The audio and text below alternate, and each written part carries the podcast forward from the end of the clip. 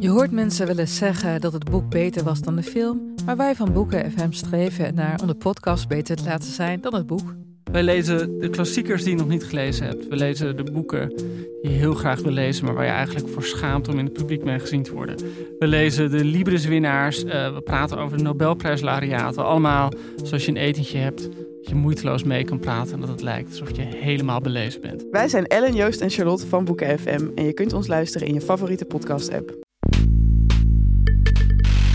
Deze aflevering van Betrouwbare Bronnen wordt mede mogelijk gemaakt door PG Kroeger. Dit is Betrouwbare Bronnen met Jaap Jansen.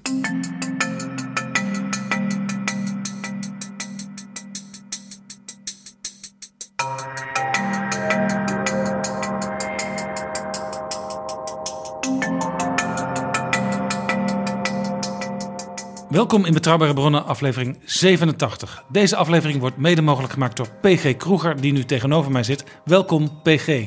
Dag Jaap. Hallo. Waar gaan we het over hebben? We gaan het hebben over het laatste jaar van langzittende kabinetten. Zoals misschien wel het kabinet Rutte 3, waar we nu mee van doen hebben. Ja, want uh, Mark Rutte was vorige week jarig. En eigenlijk kun je zeggen, dit, laat, dit komende levensjaar van Mark Rutte is het laatste jaar van zijn derde kabinet. Zo ziet het eruit. Ja, dat staat in elk geval vast als het kabinet eh, tenminste de rit uitzit. Ja, want volgend jaar om deze tijd is het hebben de hete fase van de campagne. Zou Rutte nog cadeautjes gekregen hebben vorige week? Ja, nou moet ik iets verklappen. En dat ga ik aan het eind doen. Oh. Hij was op zijn verjaardag zowel in Parijs als in München. Ja, in Parijs bij Macron, de president, en in München op de veiligheidsconferentie die elk jaar daar plaatsvindt. Met een heleboel wereldleiders. En nou heb ik iets gehoord over dat tripje naar het Elysée. En daar ga ik aan het eind iets leuks over. Laten we dat als cliffhanger even parkeren en we komen er straks aan het eind van de aflevering op terug. Lijkt me goed. Jaap Jansen en Pieter Gerrit Kroeger duiken in de politieke geschiedenis. Kabinetten die aan hun laatste jaar toe zijn. Kabinetten dus die eigenlijk vrij normale kabinetten zijn in die zin dat ze gewoon beginnen en ooit na een jaar of vier ophouden. Dus na zeg maar drie jaar. En de coalitie is bijvoorbeeld uh, uh, stevig, die, hè, die, die houdt het wel vol. Dan heb je dus het oogstjaar, hè, zoals men dan het derde jaar vaak noemt. En dan het laatste jaar. En het feit dus dat het derde jaar het oogstjaar wordt genoemd. En dat vierde jaar als een soort het laatste jaar richting de verkiezingen. geeft al aan dat dat vierde jaar vaak een wat merkwaardig karakter heeft. En je, we zien dus in de geschiedenis van zeg maar, de, de, Nederlandse parlementen en kabinetten. dat zo'n laatste jaar vaak zeer heftig is, veel bewogen, uh, niet zelden tragische jaren zelfs, waarbij dingen gebeuren waar je denkt: oh, oh, oh, oh, en het vaak onbedoeld, per ongeluk, de voorbode blijkt van een nieuwe periode en een nieuwe tijd. En daar zijn natuurlijk voor het kabinet van Rutte de jarige premier en zijn derde coalitie, misschien ook wel lessen uit te trekken uit die soms uh, uh, zeer opmerkelijke en, en uh, indringende gebeurtenissen in eerdere kabinetten die als het ware hun vier jaar vol aan het maken waren. Ja. En in dat laatste jaar van alles beleefd. En je hebt een aantal kabinetten heb jij onderzocht. Zeker. Dat gaat van heel lang geleden het tweede kabinet Thorbecke via het kabinet Den Uil van 8 1, Lubbers 3 Kok 2, Rutte 2, dus niet zo lang geleden. En dan komen we automatisch uit bij waar we nu zitten, Rutte 3. Laten we PG chronologisch die kabinetten aflopen. Ja, en je merkt dus, dat zijn dus kabinetten van premiers van alle mogelijke partijen en samenstellingen. En dus ook van zeer verschillende periodes. En toch zul je zien dat er dus in die kabinetten, in die geschiedenis van die kabinetten, Hè, met grote namen. Denk aan een man als Torbeck, een man als Lubbers, een man als Den Uyl. Eh, dat je dus dingen gaat herkennen. En in de tijd van Thorbecke, toen werd er eigenlijk nog niet gesproken over kabinetten. Toen hadden ze het over het ministerie Thorbecke. Maar wij kijken er met een andere bril naar en wij noemen het gewoon eh, de kabinetten Thorbecke. Ja, en dat was dus het tweede kabinet van Rudolf Thorbecke. Natuurlijk de grote liberale staatsman Bekend van van de 19e grondwet van 1848. En van nog heel veel meer de gemeentewet, de provinciewet, eh, de invoering van de, van de hogere burgerschool, de HBS. En dus de voor niet-academische eh, jongeren die dus een kans konden krijgen om opgeleid te worden. Hij is natuurlijk de man van grote veranderingen in de infrastructuur, de spoorwegen, de kanalen. eh, een, een, kortom, een minister-president met een enorme staat van dienst. Ja, nou kwam er op een gegeven moment dat tweede ministerie Thorbecke. En dat trad aan, weten we uit de geschiedenisboekjes, met de spade op de schouder. Met andere woorden, eh, een kabinet van aanpakken. Wij gaan wat maken. Wij gaan er wat van maken. En ook letterlijk, eh, we gaan dus grondwerkers zijn. We gaan kanalen graven, we gaan dijken eh, verbeteren, we gaan spoorwegen, bruggen. Eh, Het was dus een enorm infrastructuurkabinet. Eh, we hebben het dus nu over een kabinet, zeg maar 1861, eh, 1866 ongeveer. Een kabinet waar we dus eigenlijk nu in 2020 ook al een voorbeeld aan zouden kunnen nemen. Want ook nu is er qua infrastructuur en volkshuisvesting en noem maar op heel veel te doen. Zeker. En, en, en dit was dus een periode waar Thorbecke als liberaal zei: we hebben nu die grondwet, hè, we hebben dat dus het, bestuur gemoderniseerd. Nu moeten we de samenleving als het ware gaan moderniseren. En dat is ook letterlijk. Hè, dus bijvoorbeeld de invoering van, van de HBS. Hè, dus een nieuw type onderwijs voor nieuwe groepen in de bevolking. Eh, hij heeft bijvoorbeeld ook een enorme eh, eh, modernisering van zeg maar, de fiscus gedaan. En heel veel dus gedaan om, zeg maar, om de economie te moderniseren door de logistiek van Nederland als het ware te moderniseren. Waar we tot op de dag van vandaag ook profijt van hebben. Want Nederland staat bekend als de poort naar de rest van Europa. En eh, eh, zulke dingen als eh, ze hebben de nieuwe waterweg, de, de spoorwegen naar Duitsland. en heel veel van dat soort dingen zijn in belangrijke mate de erfenis dus van het tweede kabinet Thorbecke. En jij denkt, nou dat is een kabinet, ja dat schrijft geschiedenis. En dat is ook zo. De Bosatlas had er anders uitgezien als dat kabinet er niet geweest was. Nederland had er anders uitgezien zonder Thorbecke. Dat is een mooie, mooie conclusie, ja. En dan gaat het helemaal mis in het laatste jaar. Wat ging er mis? Alles. Ik zeg het maar gewoon alles. Eh, er ontstaat gedoe met de minister van Financiën. Die wordt gedwongen, ook door zijn collega's, af te treden.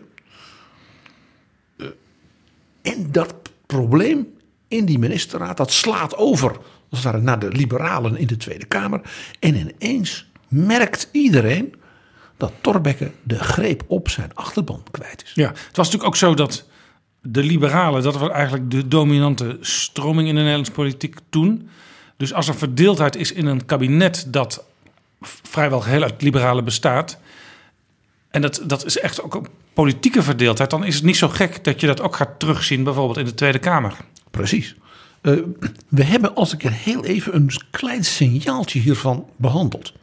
Weet jij nog dat in 1863 Groen van Prinsterer Thorbecke zo ongelooflijk het bloed onder de nagels haalde in dat debat over dat geschenk van koning Willem III, dat paleis voor het parlement, wat Thorbecke helemaal niet wilde, maar waar Thorbecke zich door de koning min of meer gedwongen zag dat te doen. En, de, To- en Groen had dat door. En die zei, ja waarom moet dat eigenlijk? En dat kamerdebat, dat liep helemaal mis. Toen heeft hij dus laten dwingen dat er gestemd werd en er was maar een kleine meerderheid. Ja, een beetje voor. kan ik me voorstellen, zoals Lodewijk Asscher er nu soms in slaagt eh, Mark Rutte het leven zuur te maken, omdat hij gewoon heel veel weet van de achtergronden van waar Rutte mee bezig is. Ja, maar ook eh, eh, wat Groen heel goed kon, was zeg maar de minder mooie kanten van het karakter van Thorbecke. Zeker starheid, zeker professorale eh, arrogantie, om die te ontlokken in het debat. En dan Ja. wist hij dat Thorbecke daarmee niet op zijn best was. En het mooie was ook nog dat ze toch wel elkaar zagen als vrienden. Maar, groot- maar het debat zagen ze dus ook als, als kunstvorm die je tot grote hoogte kon brengen. Ze waren beducht voor elkaars grote kwaliteiten. En dat kwam ook omdat ze elkaars grote kwaliteiten volstrekt ja, eh, met ere naar de ander erkenden. Iets wat je nu wel eens wat meer zou wensen in het politieke debat. Het, is heel mooi als dat kan. Laat ik het zo zeggen. Nou, je merkt dus dat Thorbecke was, zeg maar, niet meer slipvast. Om het maar even heel onaardig te zeggen. En de jongere liberalen in zijn partij, in de Kamer, in het land, die zeiden, ja, die Tor, net zo werd hij genoemd, hij begint ook een beetje oud te worden. En hij heeft ook grote verdiensten, maar, maar Er moeten ook nieuwe onderwerpen. Kijk, dat met die infrastructuur is mooi. Maar er moet ook er moet sociale wetgeving komen. Die scholen, die HBS is goed. Maar die basisscholen, zouden wij zeggen, die lagere scholen voor de, voor de arme kinderen, dat moet ook beter. Ja, Dus die wilden hem ook een soort sociale want in modernisering. die tijd had je ook nog, ik weet niet, het kinderwetje van Van Houten was er nog niet, denk ik. Dus kinderarbeid, dat, dat vond nog plaats. Van Houten was ook wel liberaal. Na Thorbecke. Dus die, zeg maar, die meer sociale hervormers, liberalen. eh, Rob Jette heeft onlangs toen die de Kerdijk leest. Ja, een jaar geleden was dat, de Kerdijk-lezing van Rob Jette. Waarin hij een aantal wat meer sociale wensen van D66 neerlegde. Daarmee greep hij dus gewoon terug Op meneer op de Kerdijk. liberale historie. Sociaal-liberale historie. Meneer Kerdijk was zo'n, zeg maar, liberale vernieuwer. Die dus, zeg maar, Thorbecke en de zijne een beetje, nou ja, verouderd vond. Er moesten, hè, dus de, de economie vereist ook sociaal-economische vernieuwing. En niet ja, van nee, nee, nee, dat moet het uh, maken. Met andere woorden, er was oproer, ophef, zouden ze tegenwoordig zeggen, in de liberale stroming. En de ministerraad, die, die liberale ministers, ook toen de minister van Financiën dus was afgetreden, die vonden elkaar zeg maar niet meer in de goede sfeer. En eh, wat gaan we nou samen nog, nog realiseren? En dat leidde ertoe dat Thorbecke en zijn collega-minister Olivier uit hun eigen... Dus Thorbecke stapte uit zijn eigen kabinet. Ja, wat natuurlijk heel raar is, want ja, het is, is zijn kabinet. Hij was dus de greep op de club kwijt. De gedachte dat hij als het ware als soort informateur dan een nieuwe, hem welgezinde hè, uh, kabinet zou samenstellen. En dus zijn partij zou dwingen zijn leiderschap als het ware te bevestigen. Ja, dat lukte niet. Want ja, er was dus een, blijkbaar een grote groep rebellen. En er was natuurlijk nog iemand die helemaal niet erg vond dat Thorbecke op Ik kan me deze manier voorstellen, de viel. koning, want die had het altijd aan de stok met Thorbecke. Koning Willem III en Thorbecke, we hebben het al vaker over gehad. Dat was een, is een legendarische verstandhouding geweest. Nou, de Thorbecke was politiek eigenlijk uitgespeeld. Ja. En dan komt hij in 1871 nog terug als premier. En het was toen een grote crisis in Europa, ook door de, de oorlog tussen Pruisen en Frankrijk, waardoor het Duitse keizerrijk ontstond. Dat ver, veranderde natuurlijk zeer de politieke machtsverhoudingen. Uh, en dwong ook Nederland tot mobilisatie. En nou ja, er moest dus bezuinigd worden om de, hè, de defensie te kunnen betalen. En duidelijk was dat de defensie volkomen verouderd was. Dus die moest worden gemoderniseerd. Ja, what's new in Nederland? Uh, ja, dus inderdaad. Uh, wat ook niet helemaal onbekend is, dat zowel die aanpak van de defensie als het hervormen van dus de fiscus en de dingen, dat die beide projecten mislukten. En dat kabinet dat zonk in elkaar, dus dat derde kabinet Thorbecke. En bij, tijdens de poging die ministerraad weer te lijmen en ja, in die kabinetsformatie is Thorbecke toen overleden. In 1872. Overleden? Ja, 4 juni 1872. Je ziet hier dus voor het eerst, zeg maar in een soort wat meer moderner Nederland van na 1848, dat zo'n kabinet ja, in zo'n laatste jaar, dat dat eigenlijk uit elkaar valt, omdat de leidersfiguur ineens met, ik raak de greep kwijt op mijn club. En misschien ook te oud en te star, wat die, die jongeren zeiden, om nog als het ware te hernemen en iets ja, te vernieuwen. Je ziet ook heel vaak, uh, daar komen we misschien ook wel over te praten, hoor, maar dat iemand die er al bijvoorbeeld een jaar of tien zit, in een bepaalde groef zit, waarvan die zegt, ja, dit heeft altijd zo gewerkt, dus waarom zou ik het nu anders doen? Terwijl er inmiddels een hele nieuwe generatie is gekomen die zegt, ja, we moeten het wel degelijk eens anders gaan doen, want anders dan lopen we vast. Dus uit het tweede kabinet Thorbecke definieer ik twee zeg maar, historische lessen. De eerste les is dat ook een succesvol, ja, uh, uh, uh, hoogwaardig, maar nogal dominante minister-president als figuur kan het moment missen en ook als het ware verspelen dat hij door zijn eigen club nog wordt zeg maar, gepruimd als leider. Dat dat moment dat hij dat te laat merkt, ik ben, ik ben niet meer de alom gewaardeerde baas. Ja. En dat is heel ja. tragisch. En toen wilde hij toch nog een paar aantal jaren later terugkomen. En dat gebeurde ook. Ja, en dat is de tweede grote les. Doe dat dus niet. Als je dus premier bent geweest, ga dan niet, zeker als je eigenlijk wel op relatief hoge leeftijd bent, hè, want dat was hij op dat moment, ga dan niet het nog een keer het trucje doen. Hebben we dat niet gezien, wij samen als getuigen van de geschiedenis, bij Joop den Uil? Dat vond ik een van de punten die Mannix Krop in zijn boek over Wim Kok. Uh, en in zijn mm, zeer indringende gesprek daarover ook heel ja, eh, menselijk, ja, maar ook heel vrij hard bracht. Dat ook Wim Kok zei: Joop den Uil heeft het gewoon verspeeld. Die, die kon het niet meer. Ja, dat vertelde Marnix in aflevering 64 van Betrouwbare Bronnen. Naar aanleiding van zijn boek, het eerste deel, heel kloek boek al, van de biografie van Kok, Een leven op eigen kracht. En dat was een mooi verhaal van Marnix. En, en daar, zag je dus in dat Joop den Uil, politiek gezien, een soort tweede hoofdpersoon in dat boek was. En dat Kok bij alle waardering ja, voor, voor ome Joop. En ook voor zijn vuur en zijn socialistische gedrevenheid. Heel kritisch was op precies dit punt. Aflevering 64, de link staat in de beschrijving van deze aflevering. En Marnix Kop heeft ons beloofd dat hij nog een keer in betrouwbare bronnen komt. Eh, Dat zal nog wel een tijdje duren als hij zijn tweede en laatste deel van de biografie af heeft. En ik zei toen al, ik kan er bijna niet op wachten. Nou, dan komen we meteen bij het tweede voorbeeld van een kabinet waar het in het laatste jaar helemaal gemist in we gaan van Thorbecke 2 naar Den Uyl. Ja, Den Uyl zelf als premier. En je weet dat is niet Den Uyl 1, want er is nooit een Den Uyl 2 gekomen. Dat tweede kabinet Uyl, dat komt er toch, zei hij dan. Nee dus. Ja, een computer zou inderdaad denken dat tweede kabinet Den Uyl is er geweest, want ik hoor er zo vaak over. Maar dat was meer in, in wensende zin. Ja, de algoritme van de politiek. Ja, ja. Ja, nou, er zijn eigenlijk twee redenen die je zou kunnen zeggen waarom dat tweede kabinet al er niet kwam.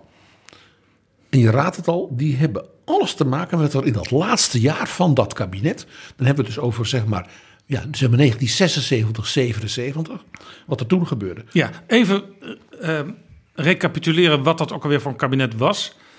Er was een enorme strijd aan vooraf gegaan van eh, de christelijke partijen versus de Partij van de Arbeid. En twee, ja, wat toch wel een beetje, vooral ook door iemand als eh, Wiegel, de, de man van de VVD, werd eh, beschreven als de aanhangwagentjes van de Partij van de Arbeid. D66 en de PPR, de politieke partij Radicalen, waar later eh, GroenLinks uit voortkwam. Die stonden zo tegenover elkaar in die verkiezingscampagne dat links eigenlijk zei: de keuze is ons stemmen en dan maken wij het kabinet en zorg dat die anderen er niet in komen. Nou ja, er was natuurlijk geen meerderheid voor een van die twee varianten. Dus wat gebeurde er? Ze moesten toch met elkaar gaan praten. En die progressieve partijen eh, deden toen alsof ja, de christelijke partijen mochten aanschuiven, maar ook niet veel meer.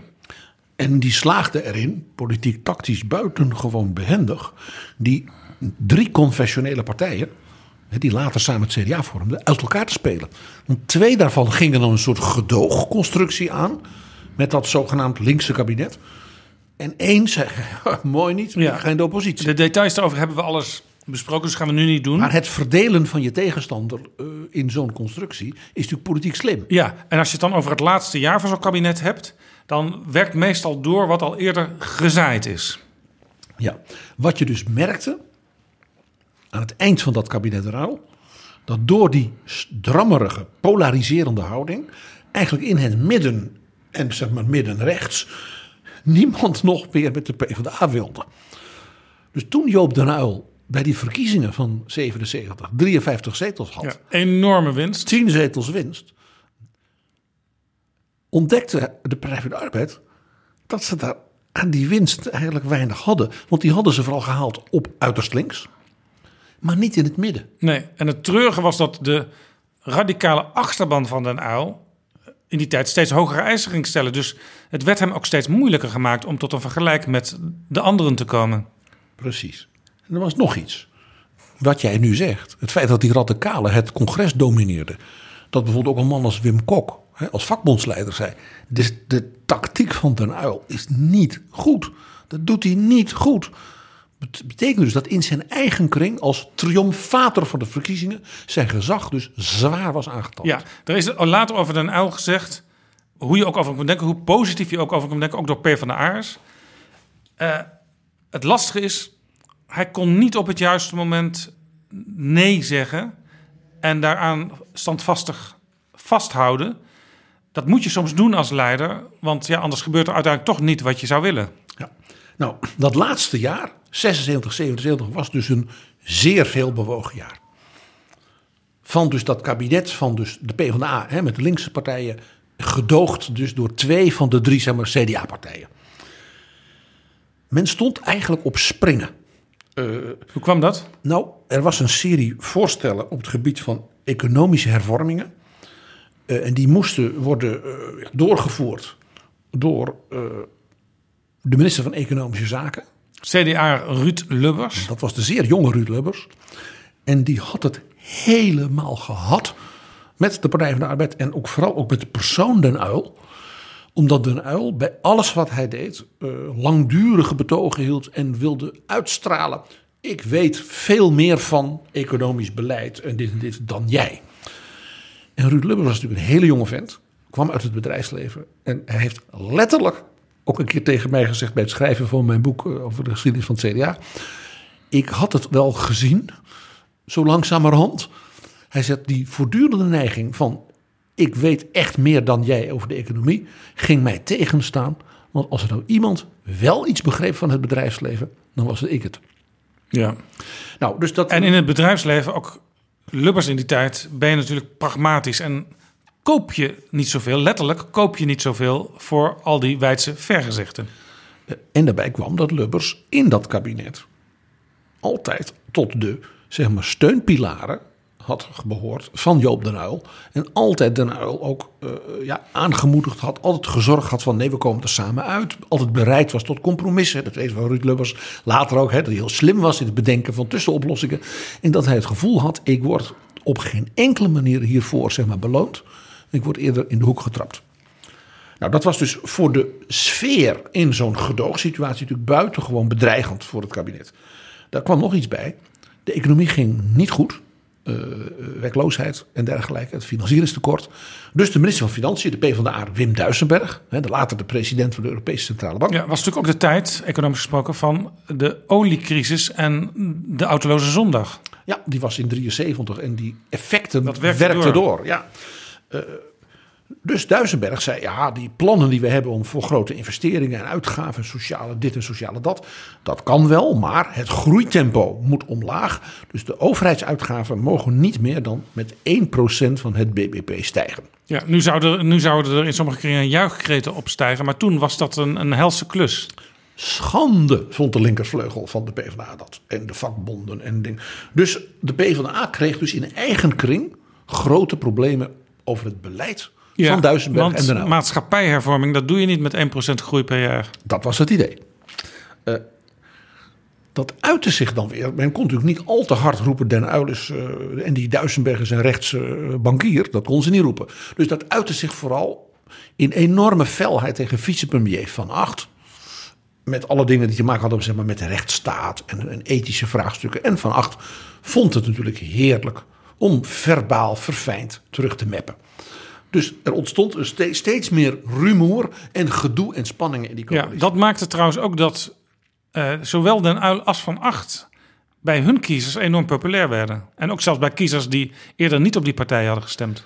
Het meest, meest opvallende effect was natuurlijk dat die zo tactisch slimme manoeuvre om die drie partijen van het latere CDA uit elkaar te spelen, dat die manoeuvre dus verpest werd eigenlijk door Den Uyl en de linkse partijen. Ja, Want als het werden... nou goed was gegaan met het kabinet, echt samenwerken zoals Lubbers had gewild, ja, dan, dan waren die CDA-partijen ook minder snel bij elkaar gekomen. Er was heel veel gedoe in die federatie en op weg naar een fusie. Voortdurend uitstel en dit soort dingen. Maar door dit gedrag werden die partijen als het ware in elkaars armen gejaagd.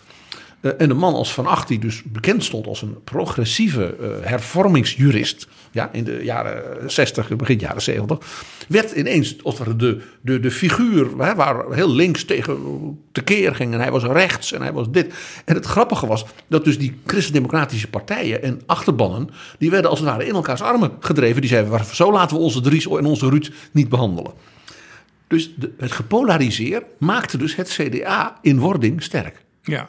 Ja, Van Acht werd ook door Peter van Straten, de cartoonist van Vrij Nederland, altijd uh, ja, getekend als een soort ouderwetse dorpspastoor die uh, iedereen met zijn Bijbel uh, tegemoet liep en overal wel wat commentaar op had. En ik weet zeker dat, net als ik zelf als student in die tijd, ook Dries van Acht genoot van die, eh, bij ons in het dorp van eh, Peter van Straten met, met, met inderdaad kapelaan van Acht. En dan denk je, ja, dat kabinet, ja, dat ontspat dus uit elkaar. Nee. Het ging dus allemaal mis, ja, met de economie, met, maar het spatte niet uit elkaar. Want het kabinet had één heel groot probleem dat ze moesten tackelen. Oh. De Lockheed-affaire. oh, natuurlijk. Ja, Lockheed. Prins Bernhard. Het kabinet kon natuurlijk niet uit elkaar vallen, eh, vervroegde verkiezingen uitschrijven. Terwijl dus de hele wereldpers ja, rapporten aan het analyseren was van het Amerikaanse congres over de omkoping door de Amerikaanse uh, Ja, defensieindustrie. Daar waren, daar waren hoorzittingen in het congres. En die werden ook hier in de actualiteitenrubrieken televisie, brandpunt, achter het nieuws, noem maar op, vertoond. Ja, en dat speelde dus in een hele serie NATO-partnerlanden. In Italië, in België, in Duitsland. Overal was wat aan de hand. En er was ook een hoge Nederlander. Die, Ja, dat stond op een gegeven moment, dat lekte uit. Hè? Een, een hoge Nederlander werd er gezegd in die, die hoorzittingen die in, Washington. ja, die invloed had op het beleid. Dus het was niet een minister. Dus iedereen dacht. hm. En die had allemaal beloften gedaan van ik zorg er wel voor dat eh, zeg maar, de Lockheed. dus zeg maar, in de Nederlandse elite van dat moment werd al gedacht... het zou toch niet de prins zijn? Nou, dat had men al heel snel in de smiezen. Om de manier waarop er over gepraat werd. Nou, dus er was een onderzoekscommissie natuurlijk van hoogmogende, eh, boven de partijen staande heren. Dus de voorzitter van de rekenkamer en zo, dat soort mensen. Vicepresident van de Raad van State. En die moesten dus in het diepste geheim de stukken bekijken. En natuurlijk met de prins ook praten. En eh, ja, zolang moest dat kabinet natuurlijk eh, overeind blijven. Want als er natuurlijk een crisis zou ontstaan hè, rond Soesdijk, met Ja. de prins, met de koningin. En je hebt dan geen kabinet dat. Nee, dus een politieke ruzie, dat kon absoluut niet. Het, het, het, het Koningshuis, dat moest eerst ja, op, een, op een bepaalde manier door dat, dat het diepe dal gaan. ja, en dus ook de, de verhouding tussen de regering en de koningin en haar familie. En groot, groot gedoe. Het grappig genoeg, we hadden het bij, bij, bij, bij, bij Torbekke hadden we het ook al over groot, groot gedoe voortdurend met koning Willem III. Er zit ook hier een patroon in blijkbaar. Nou, eh, in september maakt dus Joop den Uil in de Tweede Kamer de gedragen stem. Dat, dat kon hij als een natuurlijk oud gereformeerde jongen uit het domineesland als geen ander. Bekend dat de prins zich dus, eh, zeg maar, eh, eh, had betoond, wat was het, gevoelig te zijn voor gunsten. En dat, nou dat soort codetaal, ofwel iedereen wist, hij heeft Ja, dat was echt een heel mooi moment. Nou ja, mooi tussen aanleidingstekens in de parlementaire geschiedenis. Want als je op een gegeven moment de 100, de, een top 100 maakt van politieke momenten in de Nederlandse geschiedenis, dan zit dit er zeker bij. Dit zit bij de top 10. Ja. Zullen we even een stukje horen? Joop den Uyl. Laten we even luisteren. Samenvattend komt de commissie tot het oordeel dat zijn koninklijke hoogheid in de overtuiging dat zijn positie onaantastbaar en zijn oordeel niet te beïnvloeden was, zich aanvankelijk veel te lichtvaardig heeft begeven in transacties die de indruk moesten wekken dat hij gevoelig was voor gunsten. Den Uil in de Tweede Kamer. Hij maakte dus bekend dat het onderzoek had opgeleverd dat de prins Gemaal zich inderdaad dus eh had laten Ik hoorde omkopen. toen van iemand die daarbij was in de Tweede Kamer. Je kon aan het pak van Joop zien dat hij iets zeer zwaars kwam melden. Ja, want Joop den Uyl was fameus om zijn slecht zittende pakken. Morsig, met veel as erop. En dit en ineens was hij in een heel strak en helemaal zo uit de stomerij gekomen. Donker pak. Ja. Dus alleen al daaraan, inderdaad. Wat Den Uyl toen niet verteld heeft, was dat ze nog veel meer hadden ontdekt. Want de Lockheed-affaire, dat konden ze dus niet meer wegstoppen, want ja, die stukken waren. Ja, er was in feite een side letter bij het onderzoek. Ja, want ook de concurrenten van Lockheed in Amerika, de grote vliegtuigfabriek Northrop, Northrop. had ook met de prins zaken gedaan. Dat is pas veel later naar buiten gekomen. Dat heeft Den Uyl gedaan in overleg. Dat was een soort geheim drietal binnen het kabinet. Hè. Dus was Van Acht als minister van Justitie en vicepremier. En de oude Gaai Fortman, zoals die werd, de oude Gaius, de minister van Binnenlandse Zaken. En dat was een beetje, ook wel een beetje een vertrouwenspersoon eh, in de protestante kring van eh, de koninklijke familie. En die hebben besloten, nou ja, Lockheed kunnen we niet meer we- wegstoppen. Maar dat Northrop, daar heeft nog niemand eh, zeg maar, lucht van gekregen. Dat, dat deel van het rapport, dat houden we als het ware maar geheim. Maar dat maakte duidelijk ook voor de koningin natuurlijk... dat eh, haar man gewoon niet te handhaven was Nee. in zijn rol. En ik was ook, toen zat ik nog gewoon op eh, school, op de middelbare school. Eh, maar later, toen ik studeerde en journalist werd, toen lekte er af en toe nog dingen uit. En toen kwam onder andere dit verhaal ook naar boven. Ja. Nou, je begrijpt, het kabinet had dus om deze reden al die conflicten en al dat gedoe. Ja, dus nou ja, bijna, bijna met geweld intern binnen de perken gehouden om te voorkomen dat de zaak zou ontploffen. Dus toen eenmaal Den Uil hè, die speech had gehouden en het duidelijk was wat, wat er gebeurd was met de prins. Toen al die spanning in dat kabinet, we hebben die kwam toen ineens met verhevende kracht in dat laatste jaar dus naar buiten. Zo van, deze drempel eh, hebben we gehad. En nu kunnen we weer met onszelf bezig gaan. En voor de- de echte linkerzijde van de PvdA en de kleine linkse partijen was natuurlijk de gedachte dat het de PvdA was die dus de monarchie had gered. Hè, nadat Drees dat al een keer had gedaan met de Greet Hofmans affaire en nu Joop den Uil met omkoping, dat was natuurlijk een afschuwelijk beeld. Ja, want je had bijvoorbeeld de PSP, de Pacifistische Socialistische Partij. En dat was echt een, een republikeinse partij. Die kwamen ook niet naar Prinsjesdag.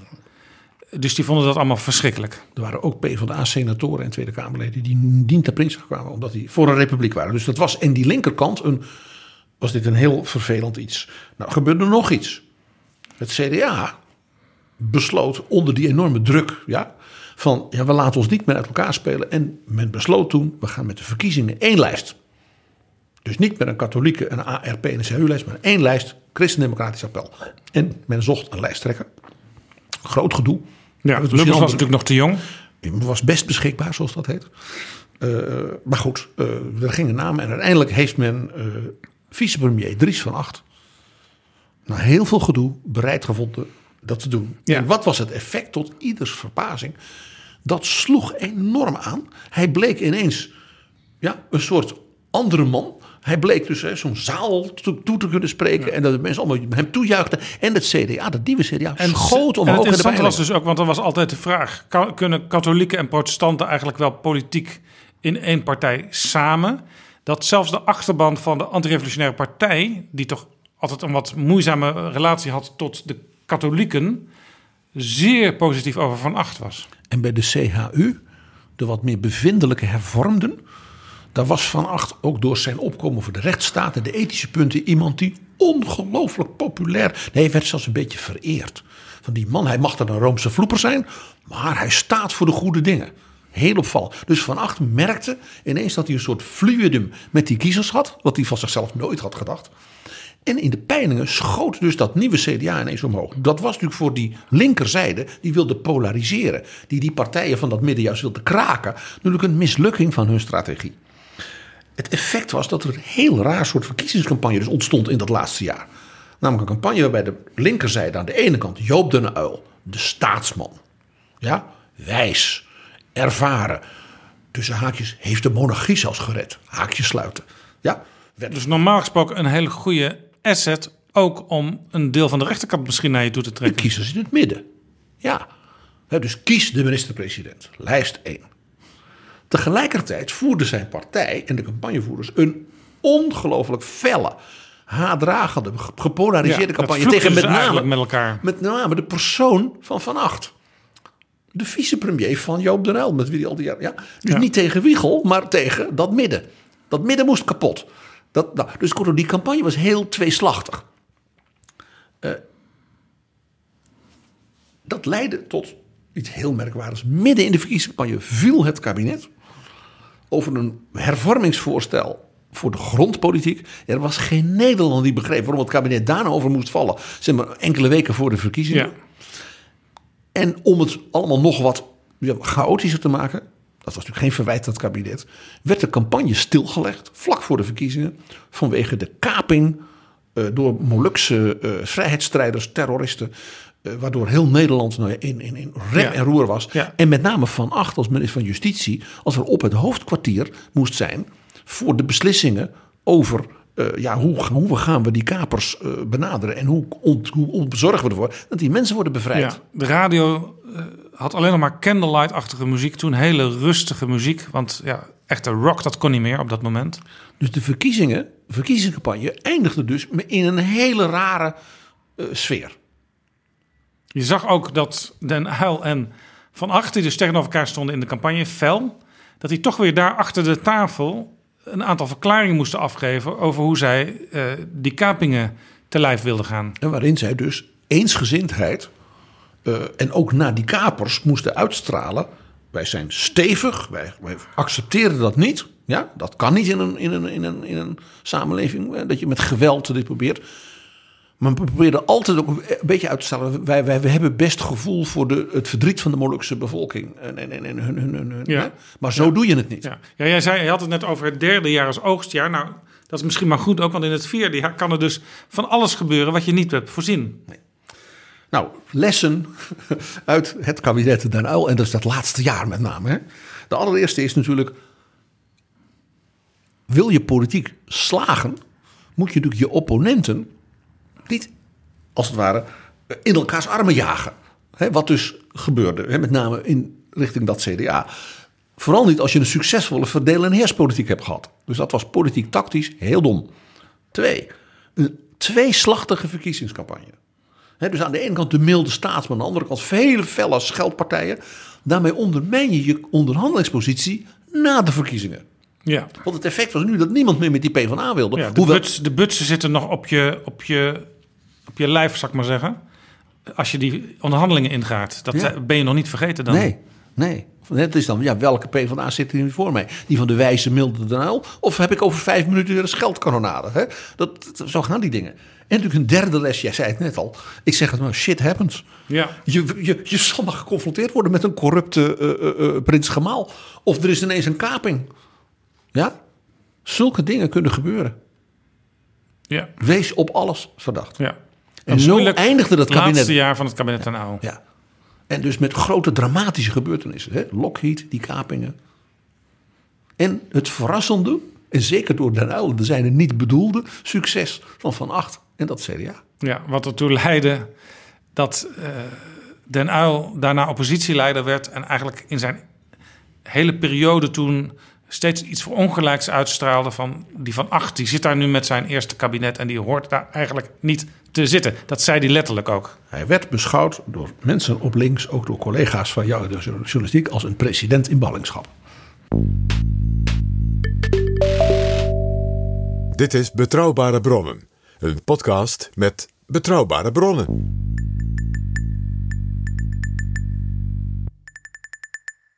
Eh, er is nog zo'n voorbeeld uit de geschiedenis. En het is wel heel aardig, Jaap. Dat is het kabinet dat meteen volgde op het kabinet Den Van Uyl. 8-1. Het kabinet van 8 Want ook dat kabinet had een laatste jaar. waarin de gebeurtenissen als het ware over elkaar heen buitelden. En waar je ook weer interessante Het historische lessen uit kabinet zat van 77 tot 81. Van Acht was daar ook trots op dat hij.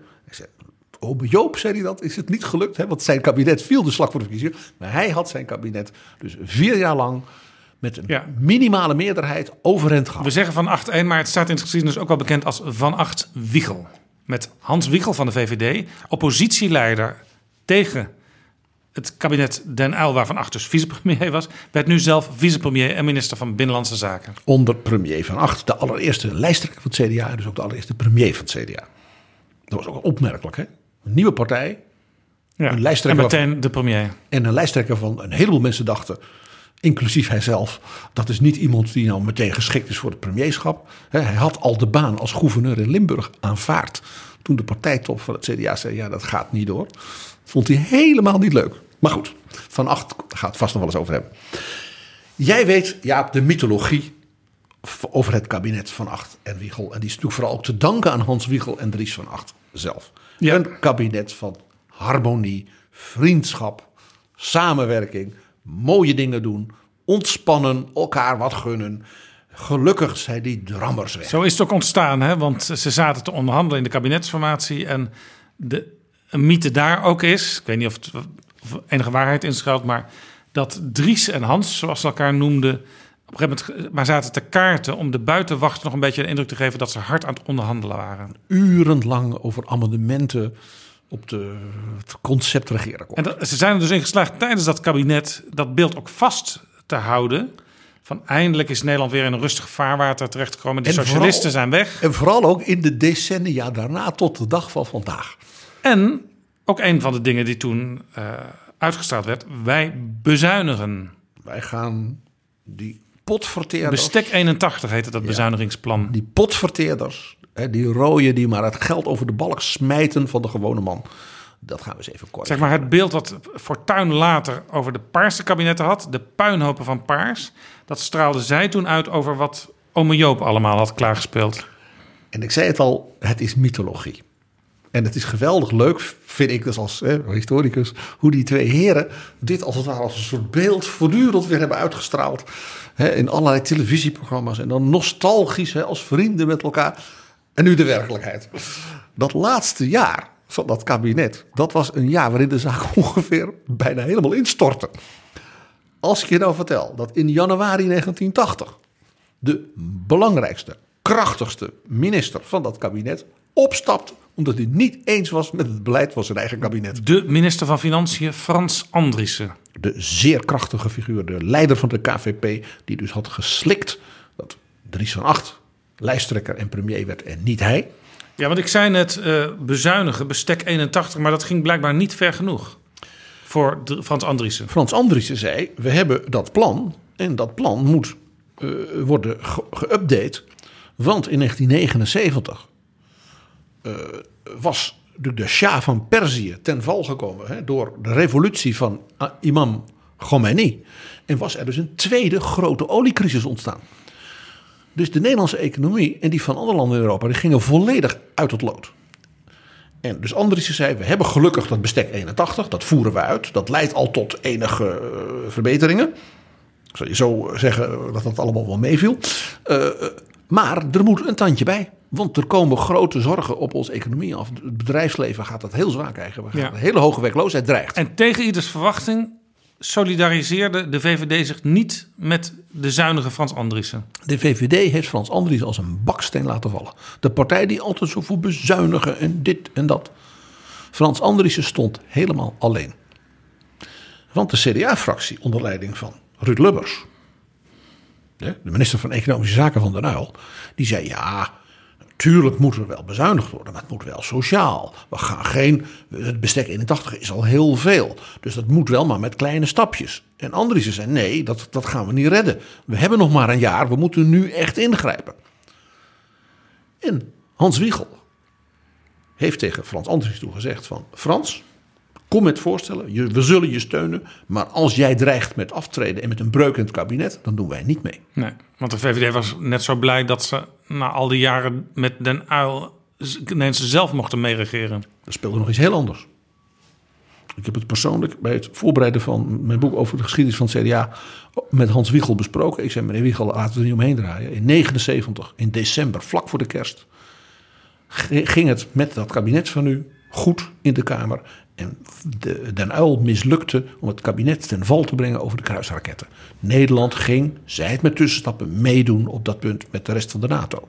Ja, En dat vond u zo belangrijk dat u de dreiging van dat de economische ellende, financiële ellende, door Andriessen op scherp zou worden gezet en het kabinet zou vallen. Dat u dat niks vond, want dan zouden ze Den Uyl komen. Dan zouden die kruisraketten, die NATO-strategie er niet komen. En bezuinigen zou er ook, bezuinigd zou er ook niet worden. Dus dat heeft u, u heeft dus Frans Andriessen laten vallen. Om redenen van strategische afweging.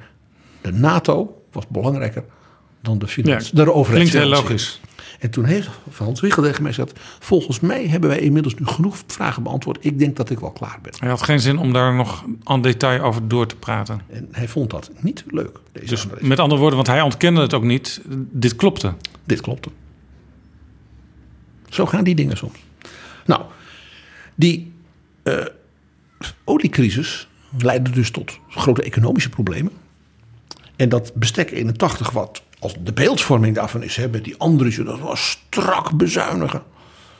Nee, dat was net als Duisenberg in het kabinet Den Uyl minder meer.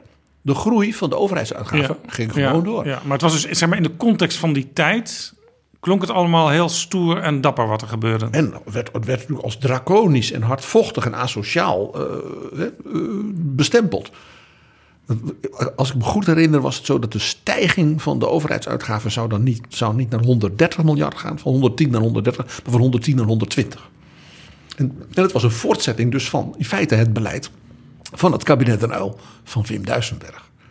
En dat, dat heeft natuurlijk wel in de, de kabinet Den Uyl dat de beeldvorming heeft van potverteerders, geld over de balksmijters. En het kabinet van Acht dat de beeldvorming had van strak en hardvochtig en draconisch. En in feite deden ze Ja, alle twee ja. een beetje.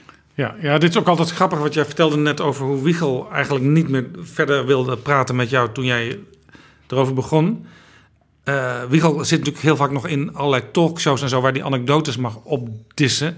Maar elke keer als het gaat over de financiën en de uitkomsten daarin van dat kabinet, dan zie je hem wegtrekken en dan zie je een soort eh, houding hebben van eh, kan ik hier weg? En dat was dus letterlijk wat er bij jou gebeurde. Ook. Letterlijk, ja. Er was dus nu geen plan meer.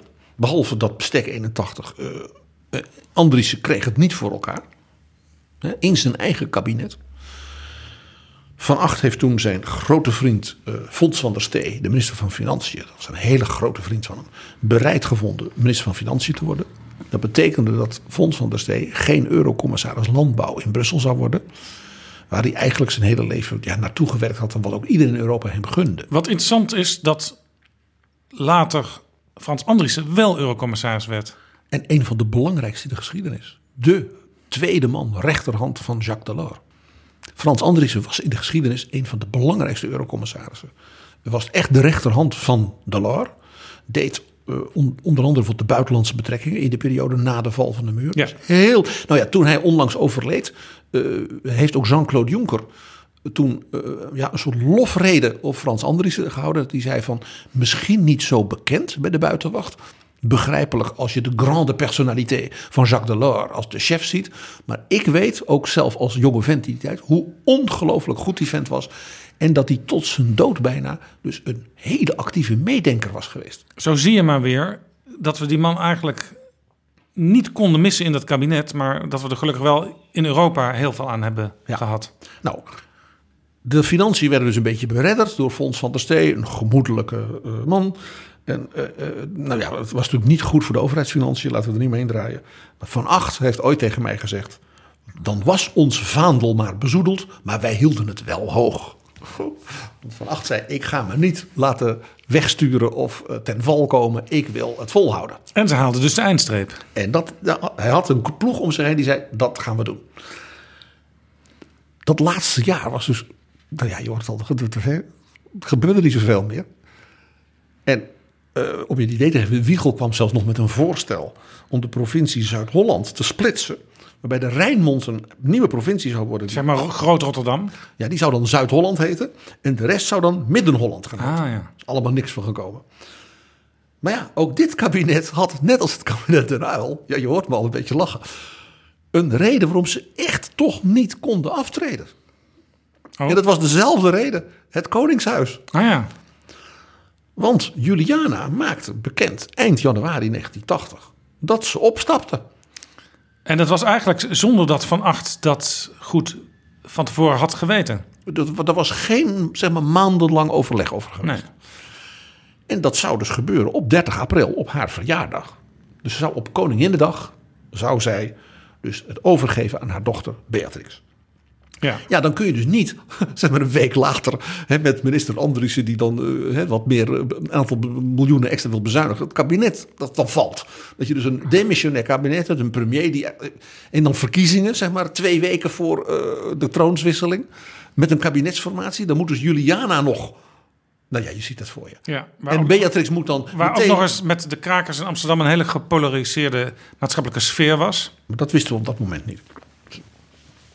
En, en eh, dus dat kabinet moest, moest eigenlijk voor de goede orde eh, eh, ja, blijven. Grappig genoeg, dus net als het kabinet.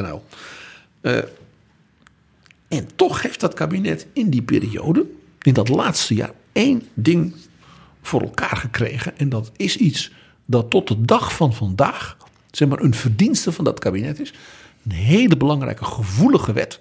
Die nadien nooit meer is veranderd. En dat is de abortuswetgeving. Ja, de abortuswetgeving die ook tot heel veel eh, politieke strijd uh, leidde in, in de Tweede Kamer, in de Eerste Kamer en ook in de samenleving. Zeker in de jaren zeventig was dat een enorm gepolariseerd iets. Waarbij ook de persoon van acht uh, heel zwaar uh, altijd werd getackeld, zal ik maar zeggen. En het is zijn kabinet geweest, de ministers Ginjaar en de Ruiter. Ginjaar van de VVD, Volksgezondheid en de Ruiter van Justitie, CDA. Ja. Allebei rustige types. Ja. Uh, de Ruiter was de rector van de Vrije Universiteit geweest. Heel klassiek, anti-revolutionair, de Kuiper, de traditie. was een hele beminnelijke en, en ja, rustige, ja, verstandige Het waren allebei mensen waar je geen ruzie mee kon krijgen. Nee, en, en Leendert Ginjaar was een echte kenner op het gebied van de volksgezondheid. Uh, en was ook partijvoorzitter van de VVD. En was dus iemand, een hele bindende figuur. En die hebben samen dat een wetsvoorstel ingediend. Dat heeft het in de Tweede en de Eerste Kamer met één stem meerderheid in beide gehaald.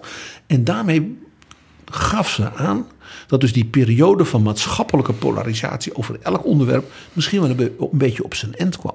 Dat er meer bemiddel, bemiddelende, misschien wat zakelijker benadering van de politieke thema's aan de Ja. orde was. Ja. En wat je dus later met de kabinetten Lubbers na van, Ja, van acht die werden als zakelijke kabinetten beschouwd. dat ik, ik heb zelf altijd als het ware het feit dat dat aan het eind van het kabinet van acht, dat dat lukte, als een soort, ja, een soort voorafschaduwing gezien van die periode daarna. Ja. En dat is natuurlijk niet helemaal toevallig dat toen die verkiezingen kwamen na het kabinet van acht, dat Den Uil zijn enorme winst van 77 bijna helemaal kwijtraakte. Van die tien zetels verloor hij er negen. Hij was er dus niet in geslaagd eh, die enorme kiezersgunst die je in 77 had gekregen te verzilveren. En dat kabinet van acht, anders dan de mythologie, had dus ook weer een laatste jaar.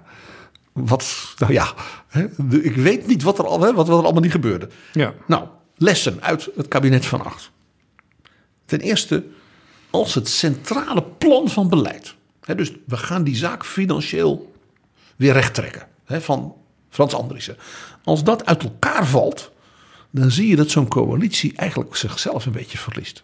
Dan, hebben ze ook, dat is, ja, dan gebeurt er verder niks meer.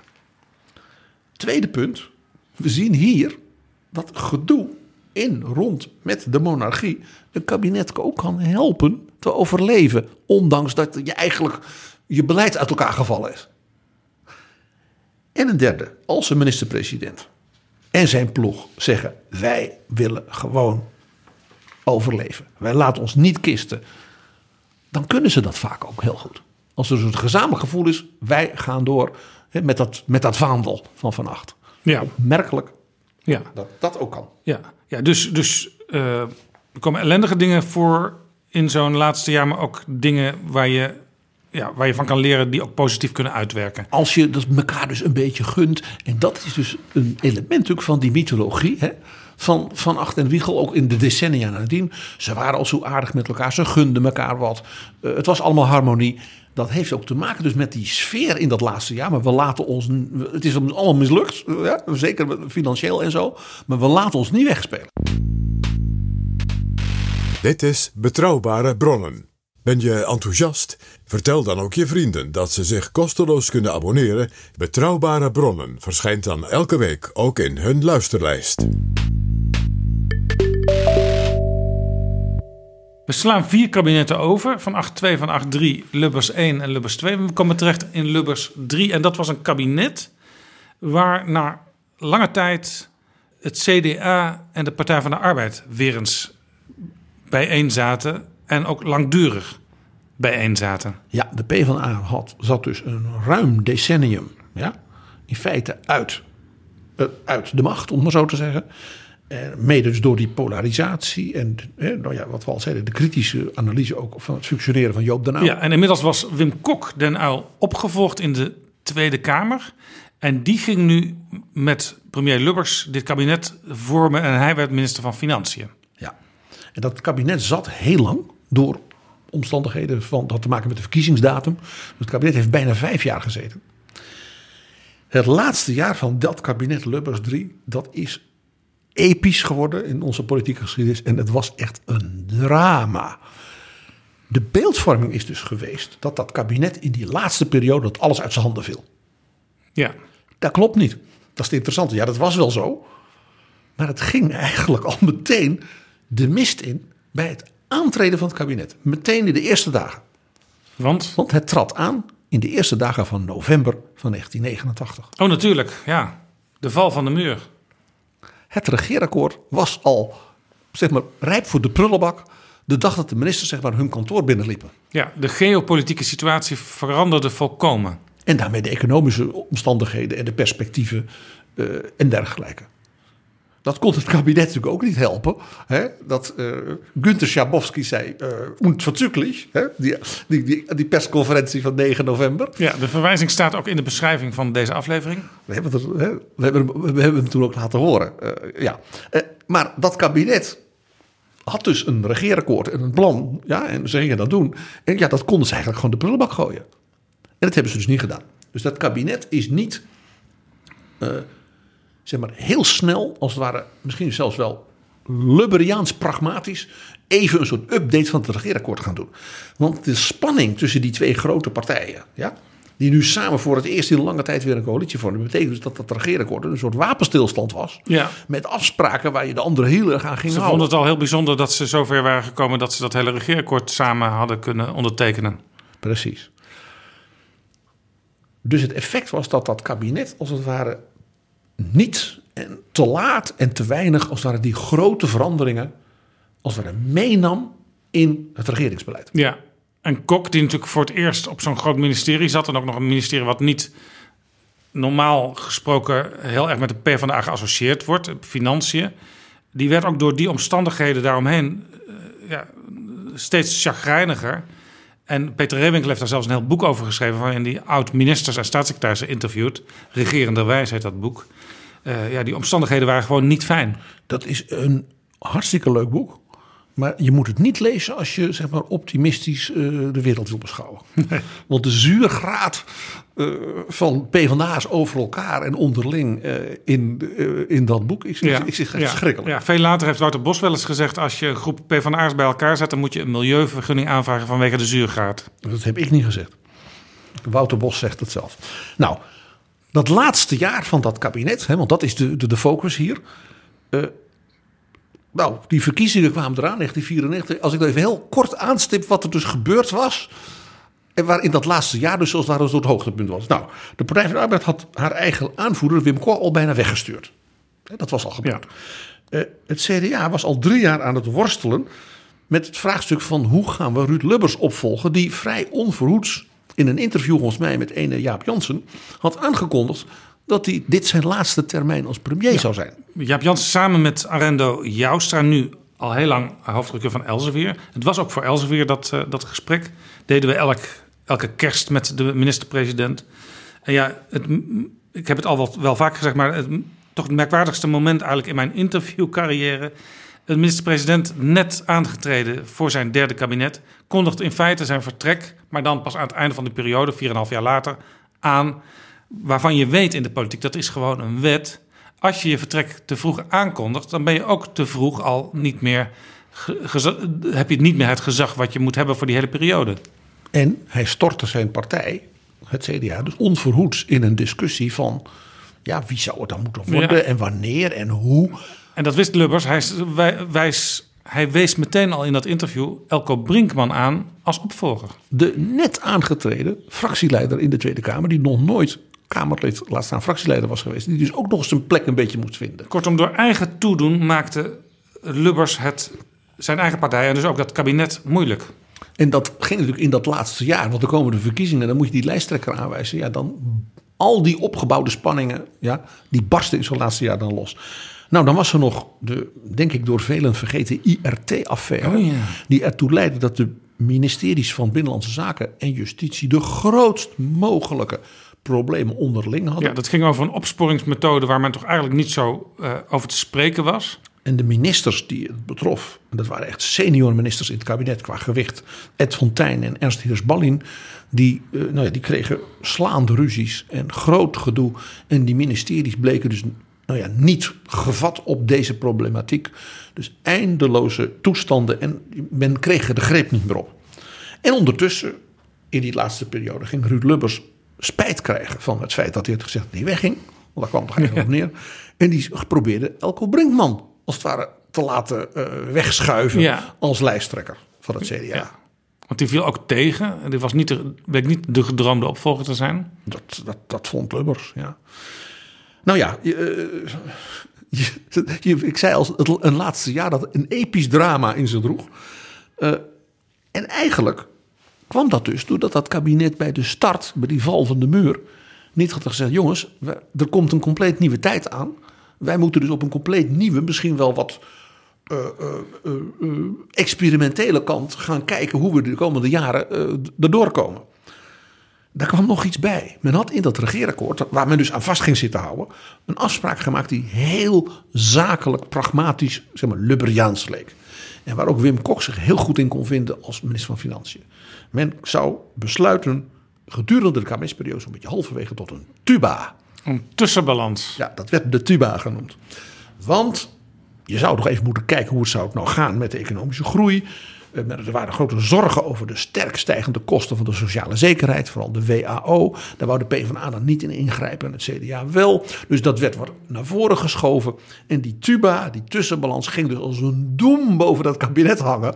Omdat het natuurlijk duidelijk was door die val van de muur dat alle veronderstellingen van het regeerakkoord dat die niet meer golden. Nee. Dus het dreigen met de tuba moet vervroegd worden ingezet. Dat was wat het CDA wilde. Ja? Dat leidde toe dat de PvdA zei: nee, nee, nee, nee, nee. Dat... Nou, dus het positieve, bijna zakelijke aspect wat die tuba had moeten hebben, maakte van die tuba een doem op de coalitie. In de PvdA ging men toen zeggen: als die tuba dan vervroegd moet komen, dan moet het kabinet ook een, eventueel een reshuffle krijgen. Dus in de PvdA begonnen ze toen ook nog hun eigen ministers als het ware eh, te, te, te bekritiseren. Dus toen zeiden ze dat bijvoorbeeld minister Ritsen van Onderwijs, zelfs mevrouw Dales van Binnenlandse Zaken, die moesten dan maar in de reshuffle worden vervangen door frisse jonge mensen. Nou, dus die tuba, dat begrijp je al, dat werd dus ook een machtsding in die partijen. Helemaal mis. Alles wat mis kon gaan, dat, dat, dat dreigde ook echt mis te gaan. Ook hier weer door eigen toedoen. En het was de voorzitter van het bewindspersonenoverleg van de PvdA. Dat was minister Jan Pronk. Die zat dat voor, niet eh, Kok, want dan kon Kok wat makkelijker. En die toen heeft gezegd, waarom stoppen we er maar niet gewoon mee? Nou, het feit als, dat je zo... Nou, zo zakte dus dat kabinet eh, ja, steeds meer in de narigheid. Omdat men dus niet tijdig als het ware de, knop had omgezet ja, Ja. Naar, naar dus die Ja. nieuwe omstandigheden. Eh, daarbij kwam natuurlijk ook, we hebben het er eerder over gehad eh, toen, eh, toen we het hadden over president Bush senior. Dat het Bush senior was die Lubbers tot de orde heeft geroepen min of meer.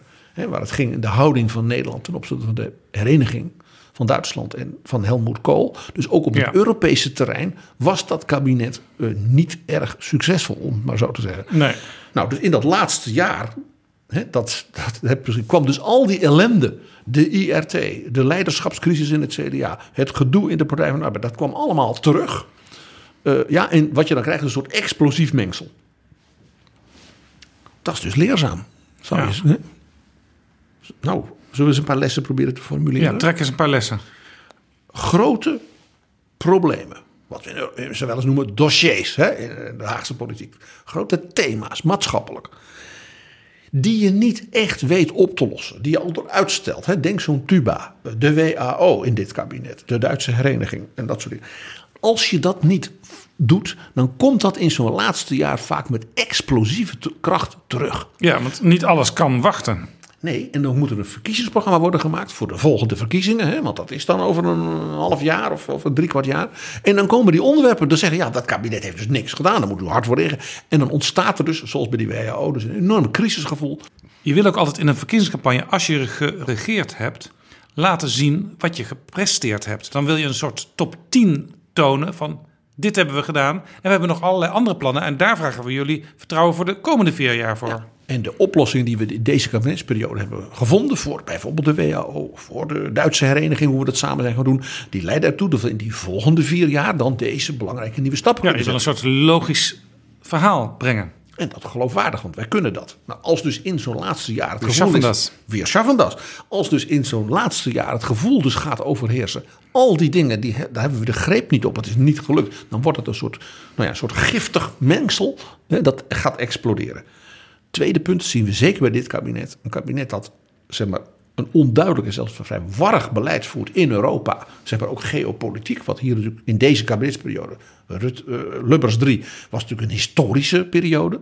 Ja. Met de val van de muur, het verdrag van Maastricht en alles eromheen. Eh, dat zo'n warrig Europees beleid, dus zeg maar de samenhang in zo'n coalitie en ook de effectiviteit van zo'n coalitie, zowel intern als Europees, dus aantast. Dan wordt zo'n kabinet dus kwetsbaar. Derde punt, dat zag je natuurlijk heel erg hier.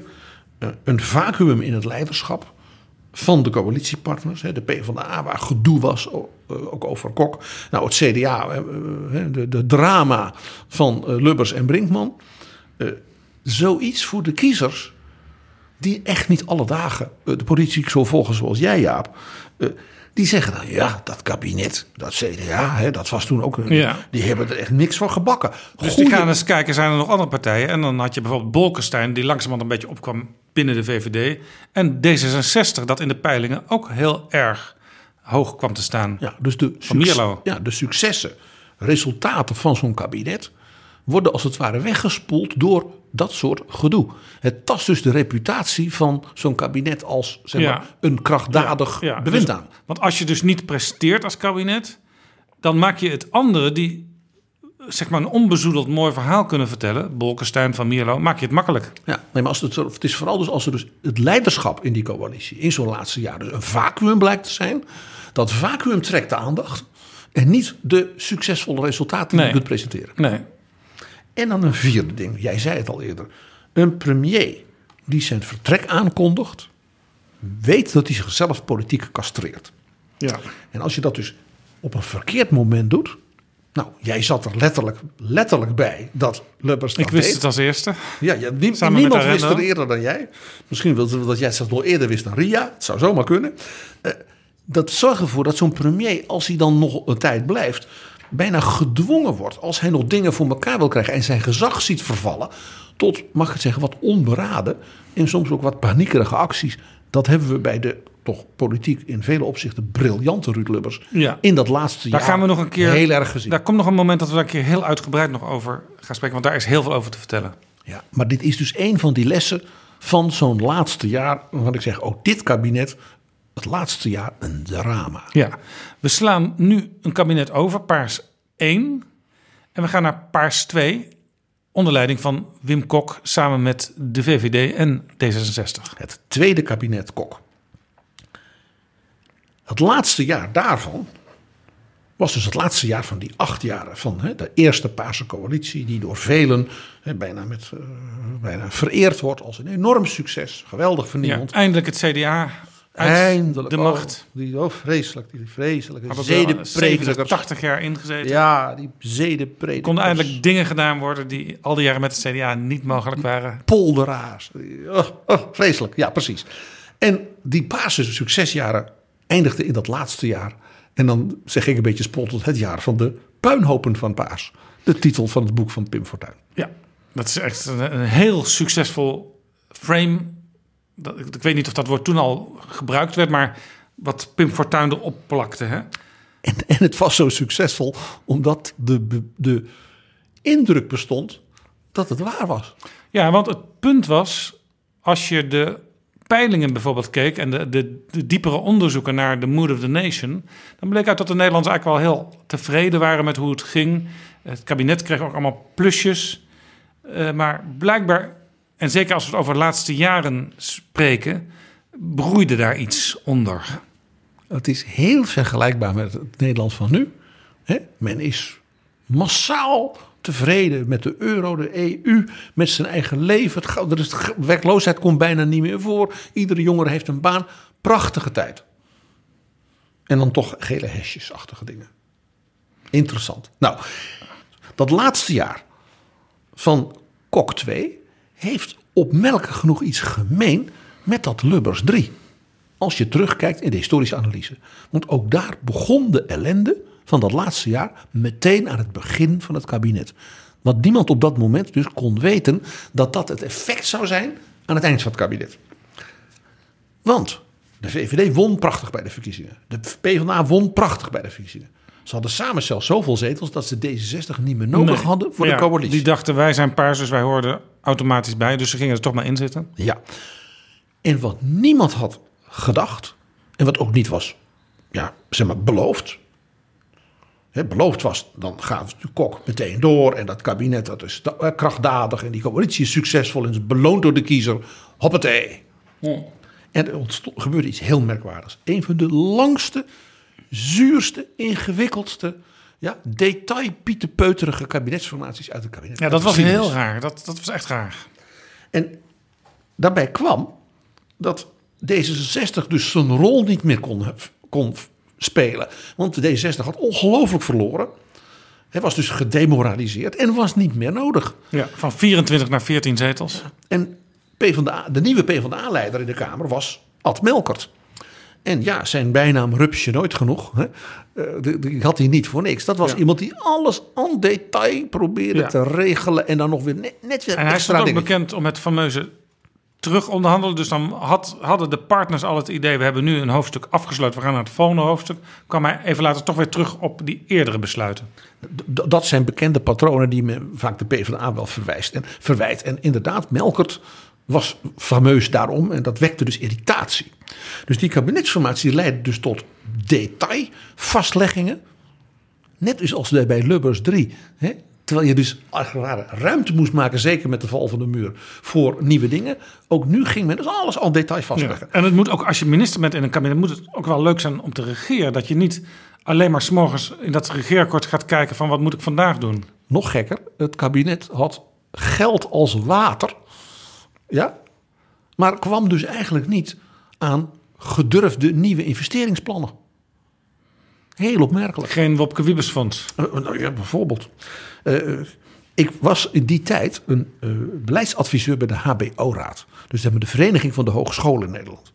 En om redenen die er nu nou even niet toe doen, zal ik maar zeggen, had de PvdA-fractie in de Tweede Kamer mij als het ware stiekem als het ware binnengeloodst om te helpen bij het eh, bedenken van zeg maar, de teksten voor het regeerakkoord op het gebied van studiefinanciering en hoger onderwijs.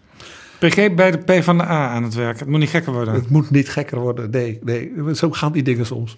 Dat je dan op basis van je expertise eh, erbij zit. En ik was dus getuige van de oorlogen dus in die kabinetsformatie. Waar ik dus dacht van, jongens, jullie hebben gewonnen. ja, eh, jullie hebben geld. Ja, jullie hebben eh, 10 miljard over, zal ik maar zeggen. Waarom? Het was heel merkwaardig. Nou, die merkwaardige start. Jij, jij, jij- ik zag, zag aan jouw herinnering ook dat je ja, dat was een hele rare periode. Dat leidde toe dat dat kabinet een soort ja, visieloos, soort leeg gehalte kreeg. Er ging dus ook in dat, die periode heel veel mis. Ja.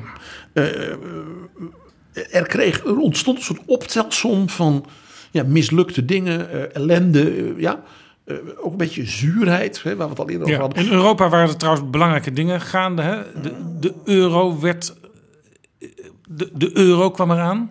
Ja, en daar had de minister van Financiën, eh, Gerrit Salm, enorme stoere taal. Eh, hè, Il Duro was, werd hij genoemd. De harde. ja, daar was hij, was hij ook trots op.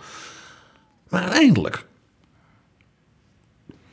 werd, die zaak, laten we eerlijk zeggen, een beetje verknoeid. Want ondanks al het stoere getoeter, zei Nederland, nee, maar Griekenland mag wel mee. En eh, ja, Italië is een van de oprichters van de EU, dus Italië moet toch ook mee kunnen doen in de euro. Ja, dit was ook een voorbeeld van de, de strategie van Bolkestein... die je pas doorkreeg naarmate die eh, een aantal jaren duurde.